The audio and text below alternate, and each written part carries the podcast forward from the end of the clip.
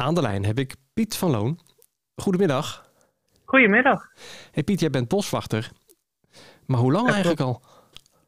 Eh, ik ben nu iets meer dan vier jaar boswachter. Altijd al boswachter willen zijn of is het zomaar op je pad Ja. gekomen?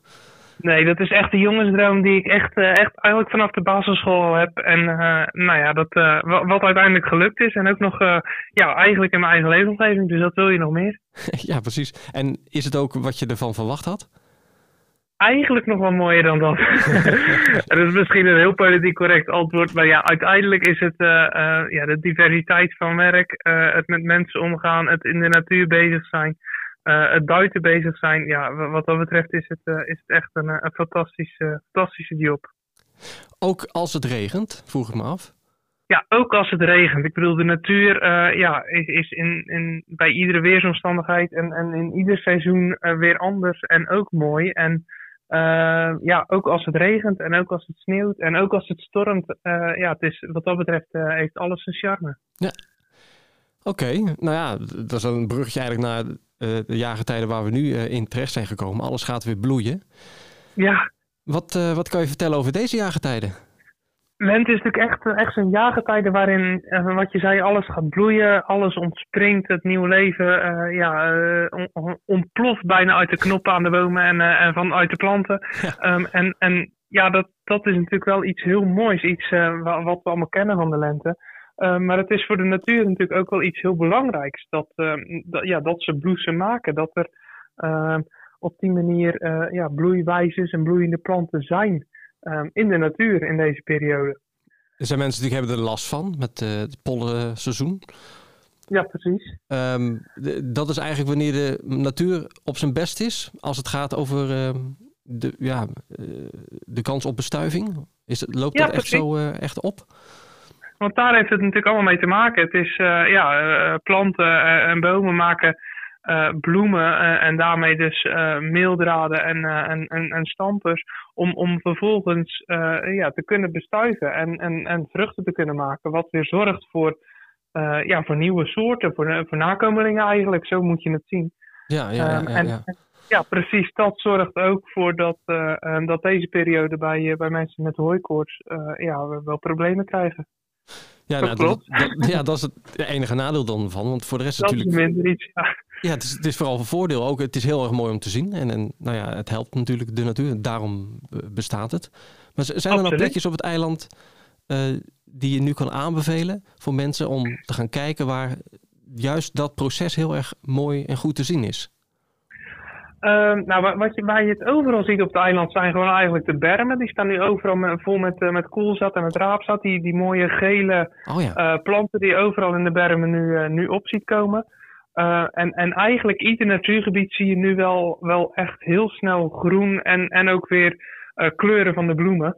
Eh, en, dus groen worden. Na, na de winter wordt alles nu weer, ja, weer fris. Het, het jonge blad komt overal weer aan.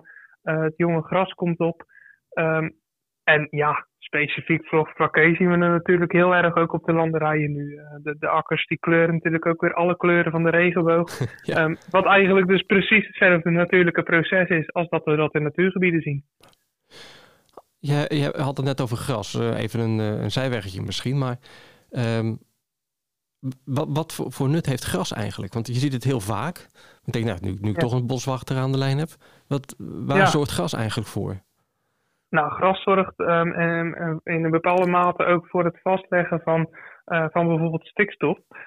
Ehm, uiteindelijk zijn alle planten, ehm, waaronder dus ook grassen, ehm, zijn ehm, ehm, ja, de, de longen van de aarde. En ehm, ehm, zij zorgen ervoor dat, dat ehm, eh, stoffen in de lucht worden gefilterd en dat er eh, ja, door onder andere fotosynthese, zoals we dat noemen, dat er zuurstof ehm, wordt toegevoegd aan de lucht, waardoor we kunnen ademhalen. Ehm, dus ook daarin is gras natuurlijk een, eh, een belangrijke speler. Eh, plus dat het daarnaast een heel veerkrachtige soort is. Dus we kunnen ehm, door gras toe te passen in bijvoorbeeld bermen of eh, in, in, in, in, eh, in speeltuinen. of, in ligweides, eh, speelweides zoals we dat noemen.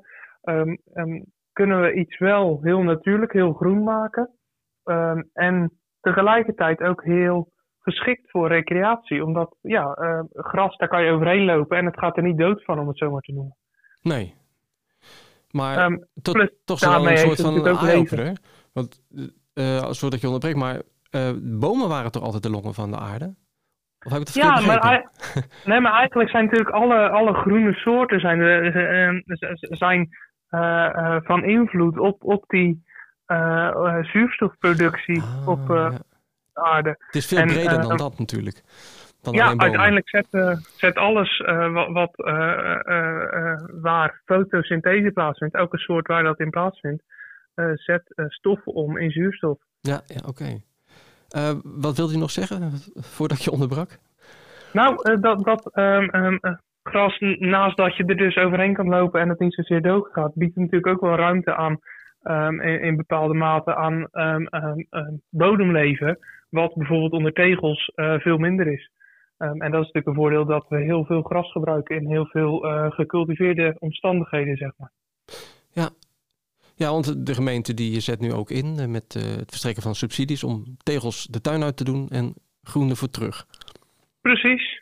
Um, waardoor je en bodemleven creëert, maar ook um, um, de waterhuishouding beter reguleert. Zodat uh, niet het riool overbelast is, omdat dat van de, van de stenen allemaal het riool inspoelt.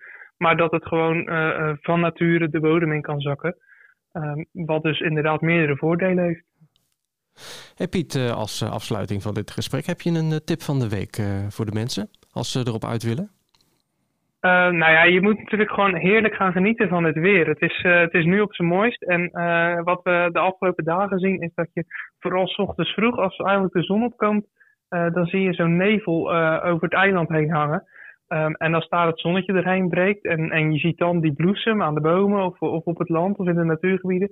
Ja, volgens mij ben je dan op het mooiste moment buiten. En hoe laat is dat ongeveer? Ja, hoe laat komt de zon op? Uh, tussen uh, half acht en half negen zou ik zeggen. Dan, uh, dan, oh, is, dan is de natuur op zijn mooist. Je hoeft niet eens vroeg op te staan dus. Nee, precies. Sta jij overigens vroeg op als boswachter? Ja, het is wel, het is wel een feest om s ochtends vroeg buiten te zijn. Dat is zeker waar. Omdat je dan um, ja, zowel dus die mooie, mooie beelden hebt, als dat je dan ook heel veel leven in de natuur hebt.